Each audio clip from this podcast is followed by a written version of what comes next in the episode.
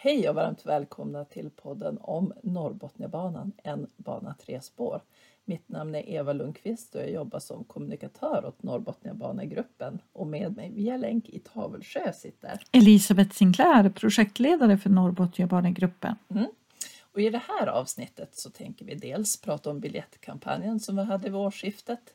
Vi kommer även att ta upp det glädjande beskedet som har kommit om tågtestbanan mellan Arvidsjaur och Jörn. Sedan så är år 2021 faktiskt European Year of Rail och vi har fått en hälsning från Bryssel också. Så det, det är mycket i det här avsnittet. Mm, det går som på räls just nu. Så kan man säga. Då kör vi!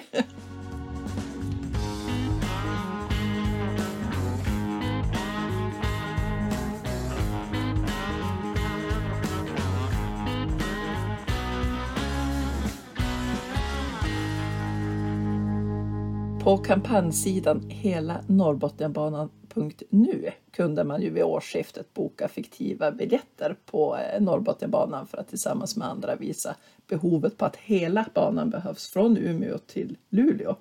Och vilket genomslag det blev! Ja, helt fantastiskt och ruskigt spännande också. Ja, vet vi hördes av lite då och då att ja, men nu är vi över 10 000. och så kunde man ha fönstret öppet bara för att se räkneverket ticka framåt.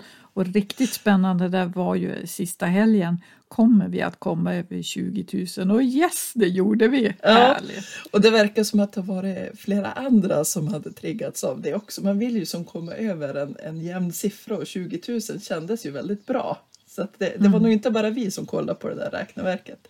Nej, och det var inte bara vi som bokade. Jag fick ju någon sån fråga, Jaha, du gör inget annat nu än att boka resor i kampanjen. Men, men jag, jag tänkte att jag, jag bokar lagom många så att det inte ska framstå som att ja, men det här gjorde vi själva. Utan, utan tillsammans har ju verkligen det här blivit en, en, en folkets bana. Alla jobbar för den. Det är ju helt makalöst. Ja, det var många som frågade, men jag har ju bokat tidigare ska jag verkligen boka en, en till gång? För att den här kampanjen, eller en liknande kampanj, gjordes ju faktiskt eh, 2017 där hela 10 768 för att vara exakt bokningar bidrog till att halva Norrbotniabanan kom med i den nuvarande nationella transportplanen. Och med den knuffen så har vi också fått liksom, eh, upp ännu mer intresse för banan, även om det har varit stort förut. Men vi har liksom lyckats kanalisera alla de här önskningarna och förhoppningarna om att kom igen nu, starta bygget. Mm. Och eh, då liksom nu så bifogade vi alla dessa bokade biljetter med vår vårt remissvar till eh, infrastrukturdepartementet. Ja, och det blev ju både digitalt och med ordinarie post för säkerhets skull. Mm, och det var en rejäl lunta med, med alla, för det var ju som egentligen namnunderskrifter kan man säga, ja. från allmänheten för att visa på, på stödet mm. av banan. Men det är ju inte bara vi som har skrivit remissvar. Nej, det är det ju inte. Vi hade väl, jag kunde räkna till, var det 225 eller? inskickade remissvar. Och där är det ju väldigt många som pratar om järnvägen och inte bara underhåll utan också att vi måste bygga, bygga ut järnvägen eftersom det är inte så lätt att göra underhåll om man bara får 15 minuter här och 15 minuter där utan vi måste tänka på eh, att vi måste få till ett eh, tillräckligt stort järnvägsnät för att vi ska kunna göra det här underhållet. Sen var det några stycken som pratade specifikt om, om Norrbotniabanan och det är ju glädjande. Och förutom våra kommuner då, eh, samarbetskommuner och regionen och handelskamrarna och sådär så var det till exempel föreningen Blå vägen som består av kommunerna Storuman, Lycksele, Vinden, Vännäs samt Umeå som samarbetar då för en positiv utveckling i hela E12 stråket som skrev att det är viktigt att vi får till både Nya Ostkustbanan och Norrbotniabanan för att få till just det vi eftersträvar, en fungerande infrastruktur. Och sen har vi ju våra samarbetspartners, Botniska korridoren och Nya Ostkustbanan som också har skrivit att behovet av att färdigställa kuststråket och inte minst Northvolt som skriver att arbetet med att färdigställa planerna med Norrbotniabanan måste genomföras snarast för att säkerställa att dubbelspårig trafik med europeisk tåglängdstandard möjliggörs för både gods och persontrafik. Och det här är ju jätteviktigt för dem, så det är ju inget kon konstigt. Nej, man märker verkligen att, att det har engagerat. Både med remissvaren men vi har även märkt det i våra egna kanaler. Dels där man kunde boka biljetter. Eh, tänka på Britt-Marie som bokade tio resor bland annat. Så att det inte bara vi som har bokat flera. Precis, och Britt-Marie som blev intervjuad i SVT. Mm, så kan det gå. Precis, jättefint. Just kopplat till kampanjen så vart det ju, precis som jag sa, extra stort engagemang och det var ju inte bara kopplat till kampanjen. Det var både hejarop och folk som haft funderingar om projektet och en del kritik. Och, men, men vad som jag tycker är jätteroligt, det är ju att, att många går in och svarar varandra. Ja. Att vi höjer kunskapen om projektet tillsammans. Ja, och, För det är inte så lätt att hänga med alla gånger. nej, och det är ju fascinerande att det redan finns så mycket kunskap så att ibland så tänker man jaha, nu se nu vad ska jag svara här då? Äh, nej, men det är redan svarat. det är bara att bläddra vidare så det är ju fantastiskt. Ja. En kommentar som har varit är ju bland annat om Inlandsbanan. Om det projektet konkurrerar med Norrbotniabanan. Ja, eller att man ska satsa på den. Men det Ja. är ingen konflikt mellan de här två projekten. Utan som jag sa tidigare så är det vi efterfrågar är ju ett fungerande infrastruktursystem. Och då behövs ju både och. Vi kan ju inte använda en kustjärnväg för att transportera timret från inlandet och eh, ut mot kusten eller söderut. Och vi kan inte använda inlandsbanan för att flytta folk längs kusten för att klara kompetensförsörjningen. Men tillsammans blir vi ju ruskigt starka och eh, inte minst för turistnäringen då när fler personer får möjlighet att röra sig inåt landet genom kuststråket som blir en pulsåder för resor. Mm. Ja, men då blir det lättare att, att komma vidare inåt landet. Ja, och jag tänker ju även stambanan som ligger som mitt emellan Inlandsbanan och den blivande Norrbotniabanan får ju som en lite dubbelspårs dubbelspårsfunktion, det är svårt att säga det där snabbt, till, till, till Norrbotniabanan. Så det, är ju, det är ju samspelet som är viktigt Ja. mellan de olika banorna. Precis, precis. Nu kikar jag på ett annat exempel. Förhoppningen här att det ska bli billigare att välja tåg framför flyg. Mm. Och där är det väl så att det är ju inte så att det ska uppfinnas någonting nytt när det gäller respriser utan eh, om man tänker sig idag så ja men vi bokar tåg via till exempel sj.se så att i framtiden så kommer ju priserna liksom att baseras på samma system. Om vi tänker på det här med flyget så mm, lyckades jag inte ens före pandemin med att boka de här jättebilliga flygresorna eftersom jag har väldigt svårt att bestämma mig långt i förväg om jag har lust att resa någonstans om, om sex månader. Men vi bara jämförde lite grann igår och då såg vi när vi tittade på Umeå och Göteborg till exempel, eller eller om det var Luleå och Göteborg, så ja men där ligger tågen runt eh, 1000 kronor och flyget ligger idag då runt 3000 kronor. Och vi vet ju att det här har ju sett eh, lite annorlunda ut eh, innan pandemin men det är väl lite så här det kommer att se ut eh, framöver också. Mm.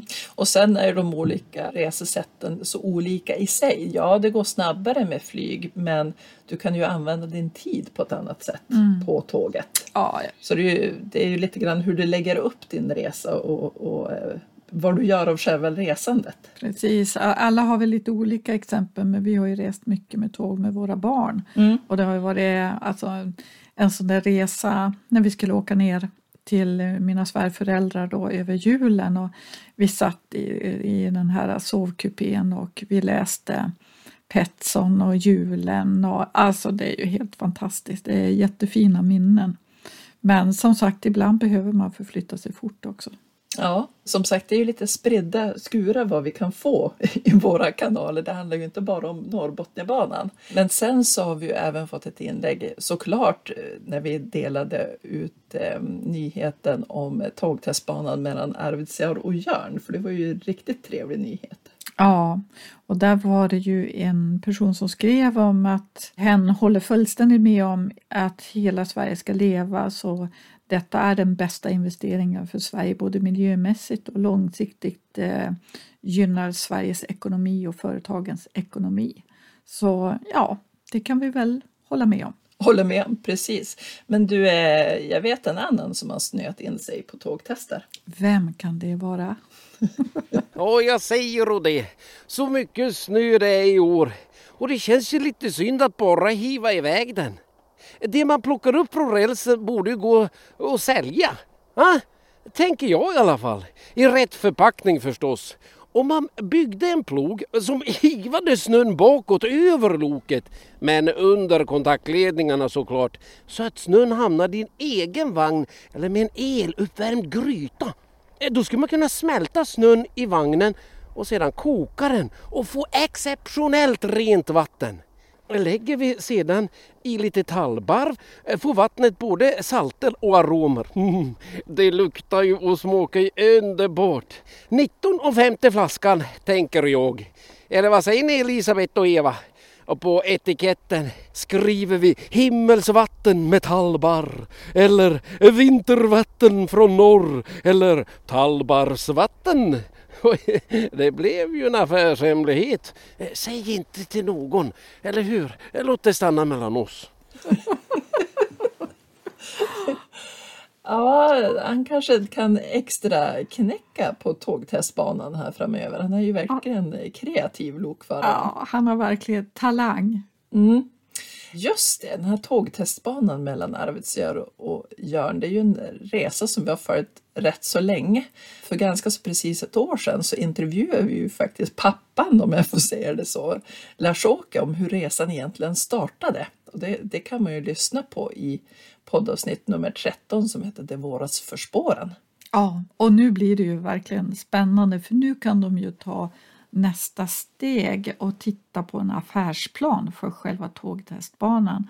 Och det kanske blir så att vi med Inlandsbanan, stambanan genom övre Norrland, Norrbotniabanan, alla tvärbanor och tågtestbanan, alltså vi kanske blir ett centrum för järnvägsutveckling i Europa. Vore ju Ja, kanon. Precis, jag tycker vi bestämmer det här och nu. Eller det, det lutar ju åt det i alla fall.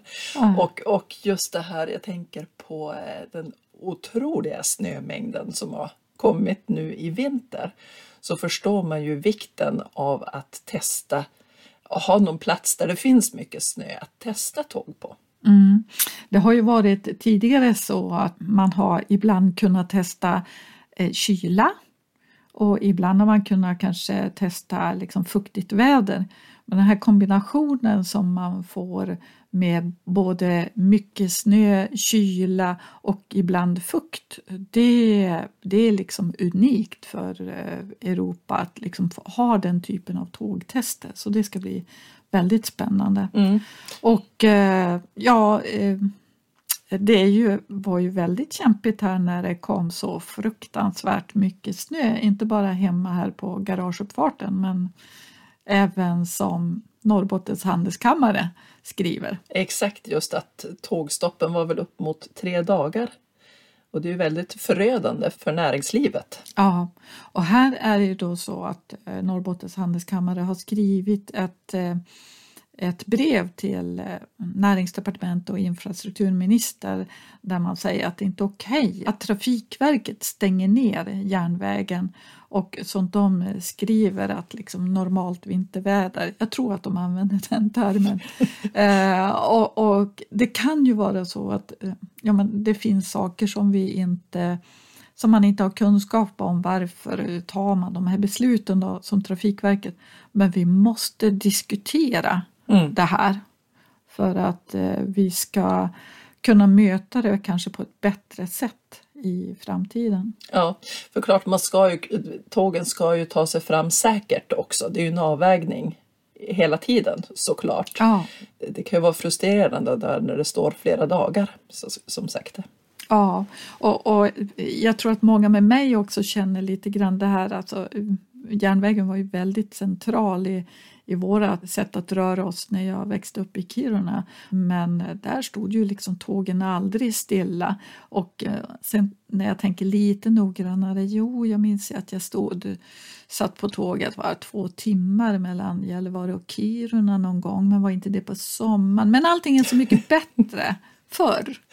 Precis, somrarna var ju bara soliga när man var liten också. Så, att, eh, ja. så är det. Så är det. Man, man glömmer så fort. Vi nämnde ju tidigare om den här biljettkampanjen eh, som vi hade att vi skickade med i, i remissvaret inför nästa nationella eh, plan kopplat till infrastruktur. Och att den här processen oftast ta fyra år mm. från att regeringen har gett ett uppdrag till Trafikverket tills vi står med ny uppdaterad plan. Men nu görs den ju rekordsnabbt. Ja, nästan på halva tiden. Ja. Och eh, här får man ju ge en eloge till Trafikverket som hade gjort en massa arbeten i förväg som, som är brukligt att de ska göra, som ska vara som underlag och sådär. Så att vi kunde komma igång med den här nationella transportplanen, arbetet med den. Mm. För just det här inriktningsunderlaget fick ju en enorm eh, kritik. Det är ju inte så lätt att, att eh, koppla detta underlag. En del kanske tänker att det var ett beslut också, eh, det, det som stod i, i detta. Ja, och det som är jätteviktigt att komma ihåg det är ju att inriktningsunderlaget är inte en sanning utan det är just ett underlag.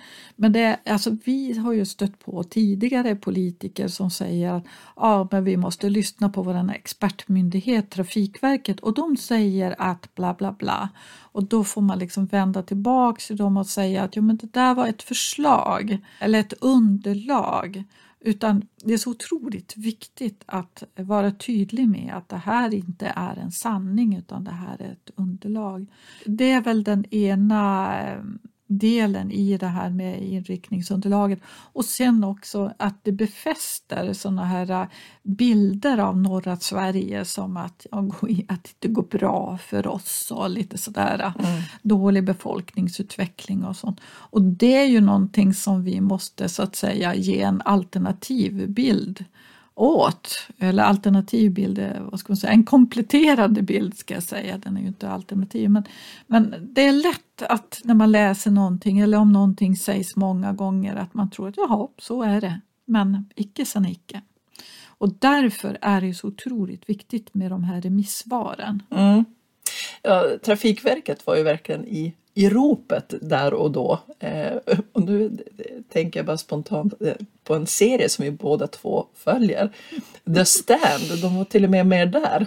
Ja, med när, när det var någon väg som hade, precis, när en väg hade rasat och så stod mm. de att no, någon måste ringa Trafikverket. Ja, men precis, där låg jag liksom äntligen fredag kväll och nerbäddad i soffan och så liksom kommer upp så att någon måste ringa Trafikverket och då, då kände jag kände jag studsade och tänkte stackars Trafikverket, de är till och med liksom i ropet i, i uh, alla serier, actionserier. Mm. Ja, för så är det ju. Så, så länge alla vägar och infrastruktur fungerar, då är man ju bara lycklig. Men när, när det blir något krångel så... så eh, Ringer vi Trafikverket. Mm. Precis, och, och brusar upp. Så mm. att, eh, det, det, är bra att vi har ett trafikverk, men sen ska man ju trycka till i remissvar kan vi sammanfatta. Yes. Det där med. Och då när jag nämner remissvaret här så kanske många undrar men vad händer nu med alla dessa bokade biljetter som, som vi skickar? Hur ser resan ut mot den nya nationella eh, infrastrukturplanen? Mm. Eh, och det tänkte vi reda ut lite grann i en tidsaxel som vi håller på med nu för fullt som vi ska lägga ut på webben. Mm. Så att ni kan se liksom vart ert eh, svar tar vägen och vad det resulterar i så småningom. Precis, och försöka tydliggöra när det verkligen är ett beslut och när det är ett underlag och mm. egentligen pappersprodukter eh, kontra det riktiga beslutet och, och, följa, följa hela resan så att säga från juni i år till, ja vad blir det, maj 2022? Då ja, ska beslutas. så är det. Mm. Och då har vi den nationella planen för infrastruktur som vi nämnde nu. Sen finns ju även länsplanerna. Men det sker ju en hel del processer i EU också kopplat till infrastruktur. Ja, så är det. Och vi har ju haft ett samarbete länge med North Sweden och ja, Botniska korridoren är också med i det här samarbetet. För det är ju, ja men liksom, man kan lyfta blicken hela tiden från lokal till regional till nationell och till EU-nivå. Det är ju ett otroligt spännande arbete som pågår där just nu. Ja, och vi har ju precis fått en hälsning från eh, Lotta Rönnström som jobbar just på North Sweden European Office. Det där kan man inte säga snabbt om man svarar i telefon och jobbar där tror jag. Men de är ju då Norrbottens, Västerbottens, Jämtland, Härjedalens och Västernorrlands direktlänk till EU. Hej, jag heter Lotta Rönnström och jag jobbar på North Sweden European Office i Bryssel som representerar de fyra nordligaste regionerna i Sverige.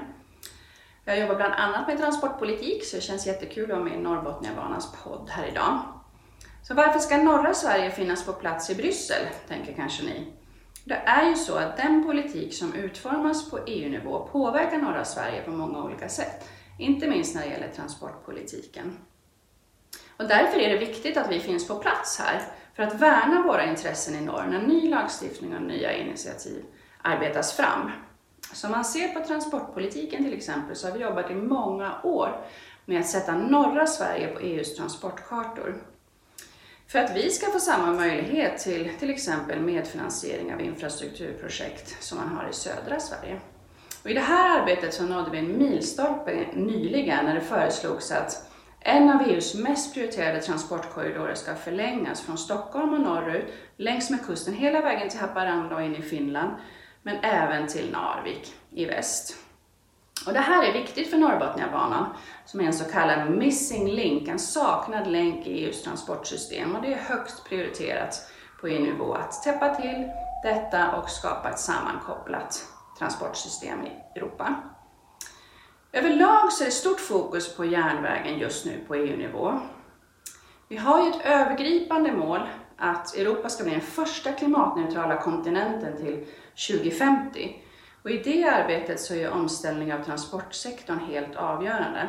Så man kikar mycket på att flytta över gods från väg till järnväg, men också på hur man ska få passagerare att välja tåg framför flyg till exempel. Sen har vi också 2021 som är Europaåret för järnväg. Det kommer vara fyllt av event, kampanjer, aktiviteter för att främja tåg som ett hållbart transportsätt. Och här tror jag att Norrbotniabanan med fördel kan ta plats. Tack för mig! Det är så intressant att höra när Lotta beskriver vad de faktiskt gör där nere i Bryssel. Och eh, jag tänker ju spontant att den planering som pågår nu mellan Umeå och Skellefteå som startar 2015, den är ju delfinansierad av EU och är ju som en frukt av deras arbete kan man säga. Absolut, och det här gemensamma arbetet vi gör det är ju, det är ju i ett nätverk där vi ja, men arbetar på alla nivåer men vi klarar liksom inte av att göra det själv utan vi behöver ett ganska omfattande samarbete för att få till det. Det är otroligt spännande. Ja. Väldigt roligt att få vara med i. Och det, det är ju nästan enklare, eller enklare kanske fel ord, men just för EU att se sambanden mellan de olika eller länderna och att eh, Norrbotniabanan är som hon sa, ja, men den här missing link. Att, att man ser att det är någonting trasigt där uppe som inte är bra för flödet för eh, godset som ska ner. Precis, och, och också det här att det är som liten, ibland kan vi ju, i alla fall tidigare känt att vi har varit liksom förfördelade, men EU har ju liksom ett övergripande perspektiv. Mm. Och då suddas ju det här liksom som vi kan känna i Sverige att åh, det är mycket satsningar som ska göras i södra Sverige. Det är liksom bortblåst utan det är liksom i EU så tittar man liksom det som är lång, långt borta det som har, ja men som i vårt fall, stora råvaruvärden och eh, så att eh, ja men det är olika perspektiv på olika nivåer och alla är lika viktiga. Mm. Och att, att vi får den här helheten och jobbar mot samma mål. Som även det här med att Europa ska vara den eh, första klimatneutrala kontinenten till 2050 mm. är ju ett också bra mål, även om vi i Sverige har ett ännu vassare eh, mål. Ja, så är det. I allt det här så ligger ju också vikten av att förlänga stomnätskorridoren ScanMed men också eh, godskorridoren tycker ju vi och eh, så får vi väl se hur det blir eh, lite längre fram med det. Mm. Och för er som kanske undrar, har det kommit nu det här beslutet om förlängningen av ScanMed? Eh, så vad pratar jag? Jag tror vi har pratat om det ett år nu faktiskt. Aha, ja, precis. Alltså, vi vill ju så gärna liksom få check på det och det är ju nära och det vi förstår det är att det är samtal mellan flera olika parter i EU men det rör inte våran sträcka, alltså ScanMed-korridoren utan det är en av de andra korridorerna som man har lite diskussioner kring. Men det ska bli oerhört skönt när det beslutet kommer. Och under tiden är det ju så då att eh, Trafikverket gör ett eget arbete för att titta på de här godskorridorerna och eh, tankarna kring förlängning av godskorridoren som kommer att gå i samma sträckning då som stomnätskorridoren. Och bara som en liten repetition kan vi säga att stomnätskorridoren det är ju faktiskt den fysiska rälsen kan man säga på backen medan godskorridorerna är transporterna som sker i den. Och transporterna de, de går ju så att säga dagligen och är det så att vi får till en förlängning så, så, kommer man att arbeta då för att det ska bli enklare för transporter från Sverige och ut i Europa. Mm.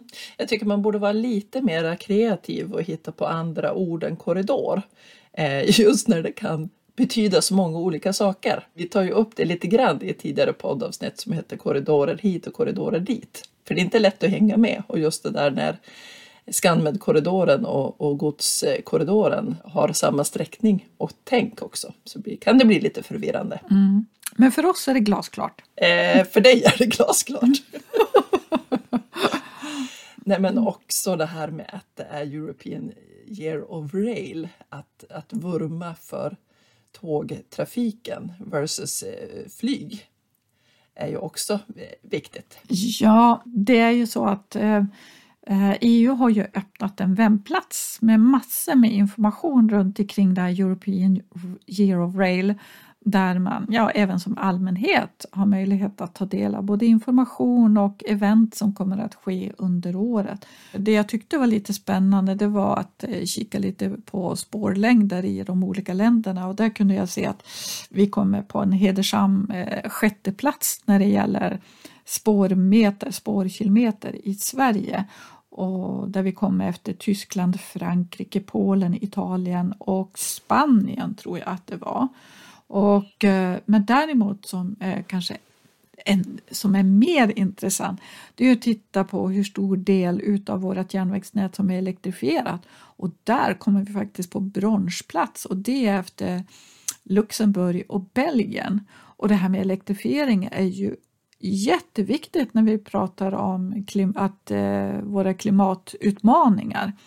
Eh, för det är ju inte jättebra då om man har då dieseltrafik. Men till exempel Inlandsbanan jobbar ju för att se om man kan byta ut då diesel mot vätgas. Så det sker ju väldigt mycket utveckling på tågsidan. Så det är ju trots att det är en 1800-tals uppfinning så står ju sig järnvägen enormt bra idag och har tagit flera teknikskutt framåt så det känns ju toppen. Ja men så är det ju. Och ska man då göra kopplingen till tågtestbanan? Ja. För, för jag tänker att jo, snö kan de testa där men även olika signalsystem. Just att tågen pratar samma språk i Europa skulle ju inte vara så tokigt det heller. Mm. Och där hoppas vi på en ganska snabb utveckling för det har ju varit förödande att eh, liksom ha olika signalsystem.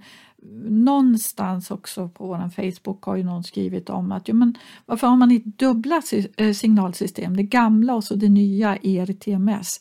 Men det har varit en kostnadsfråga och det har varit alldeles för dyrt. Det. Men det innebär också att man inte har fått upp trafiken då på nya banor då, som Botniabanan med det nya signalsystemet där operatörerna faktiskt ska betala då för ombordutrustningen. Och det är ju inte så lätt om man kanske har två eh, tåg och så ska båda typgodkännas. Ah, 11 miljoner eller vad det är för någonting det mm. kostar. Det är inte så lätt att få, att få till det på ett bra sätt.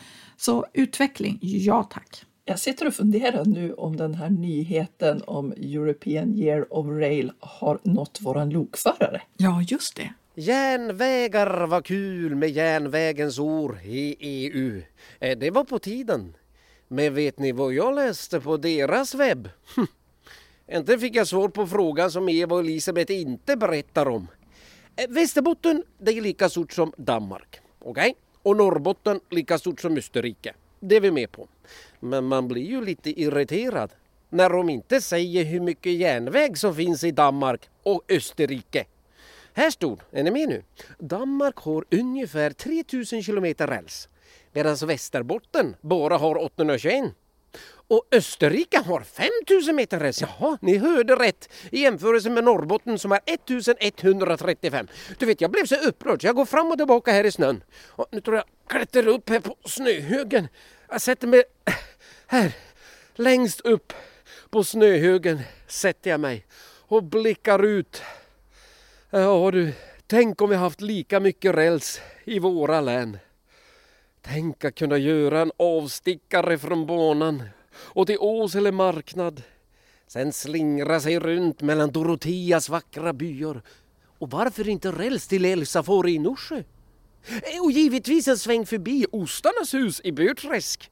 Och sen vidare in i Norrbotten med ett stopp på biltestbanan i Slagnäs. Med räls kunde de ju frakta sina bilar. Vi fortsätter vidare till Arjeplog och Silvermuseet och sen måste vi sikta långt norrut till Korpolombolo. Ja, ni hör ju. Det finns ju inga begränsningar för vad man kan göra med mera räls. Ja, ja.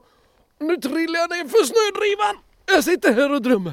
Oj, det är farligt att drömma, men viktigt.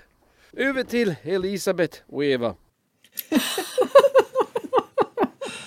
Åh, ah, denna lokförare. Jag tänker ju på det här uh, Year of Rail Eh, 2021. Det hade ju varit jättekul att genomföra det här eventet Tågets dag som vi faktiskt tänkte ha i fjol. När man eh, som allmänhet skulle få hoppa på ett tåg både i Skellefteå och i Piteå. Ett nytt tåg som skulle dras in till stationsläget. Men tyvärr gick ju inte det att genomföra på grund av pandemin.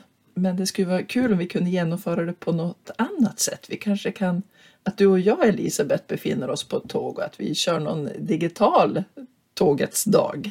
Ja, men precis. Just nu så har jag ju kontakt med en annan lokförare som heter Ludvig och eh, det är ju väldigt spännande någon gång när vi har pratat i telefon och så kommer det in en röst som säger kvittera, kvittera. Vad är detta för någonting? Men det handlar ju om eh, ett så kallat alltså, säkerhetsgrepp för lokförare. Jag tror ibland så har man väl kallat det för dödmansgrepp och det är ju bara en bekräftelse att lokföraren fortfarande är vid liv och eh, liksom kan sköta tåget och sådär. Men det är alltså en, en sån röst som går in var 30 sekund och då måste man trampa på en pedal för att bekräfta att man är där. Och det roliga är då att, att Ludvig berättar att eh, alla tåg har inte den här funktionen men eftersom de har tyska tåg så, så har de den här funktionen att man måste kvittera. Men man kan också ändra den här rösten så att den säger på tyska och då säger den styrung, styrung. Liksom lite, lite som övervakning. Men är, är det på allvar? Kommer den där rösten var 30 sekund? Jajamensan. Så eh, den har varit med flera sådana här familjesamtal. kom, kommit in. Alltså man, tänker, det är lite form av hjärntvätt, jag kan ju förstå. Man skulle nästan vilja ändra språket lite kontinuerligt så att, så att eh, det inte riktigt sätter sig i skallen. Precis, va? eh, kanske därför man ibland går över på tyska och lyssnar på Störung. Men det låter verkligen som om man satt vid skrivbordet och fick en smäll i bakhuvudet bara för att man var lite trött. Men eh, Ludvig berättade också att, att den här pedalen den sitter bredvid tyfonen, alltså själva den här ljudsignalen. Så ibland så slinter man lite och så råkar man liksom köra själva ljudsignalen så man väcker ett helt samhälle. Så att, ja, det, det finns så mycket spännande på, eh, på lok och, och tåg så att ja, men Eva, det vore ju underbart om vi kunde hitta på något annat kul. Precis, jag fastnar i den där rösten igen. Jag tänker att när man håller på att somna måste det vara jättebra att, att kicka in den tyska Eh, man lär ju vakna. En norsk röst skulle inte kännas lika hård på något sätt. Vad skulle det heta på norska? Liksom? Oh, akkurat är du vaken. Hallå? Ja, Hallå? Precis. Ja, jag vet inte Eh, vad vi men skulle du- ha för röst på våra kontor men vi... Nej, Ja, nej. nej. Skönt att vi slipper en röst som kommer var 30 sekund i alla fall. Ja, ja helt. Det kan vi sammanfatta det med. Just att jag tror att det finns mycket intressant i tåg som man inte tänker på när man väl åker tåg så att säga. Så då, då skulle vi kunna djup, djupdyka i det. Men eh, återigen, den där rösten är ju för säkerhetens skull. Och eh, då börjar jag tänka på, på bygget som faktiskt pågår av, av gällande Norrbotniabanan nu och alla dessa gigantiska dumprar på 80 ton som är, är på plats nu och passerar vägar och sådär. Det, det, där, där känns det inte riktigt säkert att eh, vara, i alla fall inte som allmänhet. De som jobbar har ju lite koll. Precis. Eller lite koll, de har koll. Ja, det gäller ju att följa alla regler och att inte vara ute på bygget och så vidare. Och vi har ju en riksdagsledamot som, som sa att han hade varit ute på skidor och tittat på bygget och inte såg att det var så mycket som var igång och att det inte låg någon räls nu efter arbetet på under fem år. Men det är otroligt viktigt att vi har, att vi följer de regler som finns och att vi har samråden och eh, att eh, saker och ting eh, kommer i den ordning som de ska. Men man ska låta bli att vara ute på själva bygget men man kan ändå ta del av bygginformationen. Precis. För på Norrbotniabanans projektsida under trafikverket.se Norrbotniabanan finns det ju en byggdagbok. Vi har även en direkt länk till denna från, från norrbotniabanan.se också. Så klicka er gärna in där. Eh, och jag tänker spontant det där med att det inte är någon räls än i backen, men det är ju lite grann med järnvägsbyggen som när man renoverar hemma. Det är det här underarbetet som är det viktiga och det är ju en hel del underarbete när man bygger järnväg. Ja, verkligen, verkligen. Men jag, jag rekommenderar verkligen att gå in på den här byggdagboken. Den är fascinerande som Trafikverket eh, håller eh, ajour varje vecka. Mm. Och på tal om arbetet med att bygga Norrbotniabanan. Vårat fortsatta arbete har ju sett lite annorlunda ut för 2020 och det fortsätter ju även nu 2021. Det är en hel del digitala montrar istället för fysiska som, som eh, vi har varit med på. Ja, det är ju en spännande utveckling. Det går ju med rasande takt nu. Och eh, det är ju jättebra att det faktiskt fungerar och att man kan lösa det på det sättet. Och det är ju precis på samma sätt nu när vi sitter och spelar in den här podden på tre olika platser, du och jag och vår producent Mattias, och att, att det funkar. Men man, man saknar det här med ögonkontakt och det fysiska mötet. Det blir ju inte riktigt samma sak. Nej, vi kommer ju inte riktigt dit hän att ibland så kommer det in folk och tar del av information i våra montrar men så kan vi ju ytterligare liksom fördjupa informationen eller eh, plocka upp gemensamma kopplingar genom det samtal som vi brukar ha i montern och där är vi inte riktigt än. Vi var ju med på en kongress här i helgen och vi har väldigt mycket material i våra monter så att då ser man ju vilka som kommer in i montern och man förstår att de är där inne och läser och så. Men, men om man då tar ytterligare steget och, och liksom eh, öppnar en chatt och säger Åh, kan vi hjälpa till med någon fråga? Ja, men, nej, det kanske inte är så himla naturligt därför att de ser ju kanske inte mitt ansikte eller att, att jag är en fysisk person. Så att mm, det behöver utvecklas lite till. Ja, vid vid de här fysiska montrarna så når man ju de som inte visste att de ville veta saker om Norrbotniabanan. Vi fungerar som inkastare ibland. Exakt så är det. Ja, du, det var ett matigt program det här och det kommer du väl att fylla på med en blogg, tänker jag, Jajamensan. i vanlig ordning. Och så sen när ni lyssnar på det här då kommer ju våran tidsaxel även att vara klar och den kommer att ligga direkt under norrbotniabanan.se om du vill se resan mot den nya nationella infrastrukturplanen. Sen får ni gärna fortsätta att följa oss i våra digitala och sociala kanaler och fortsätt gärna att kommentera där precis som ni gör nu. Då avslutar vi väl med att önska er alla en riktigt bra fortsättning på dagen. Ha det bra, hej då! Hej då!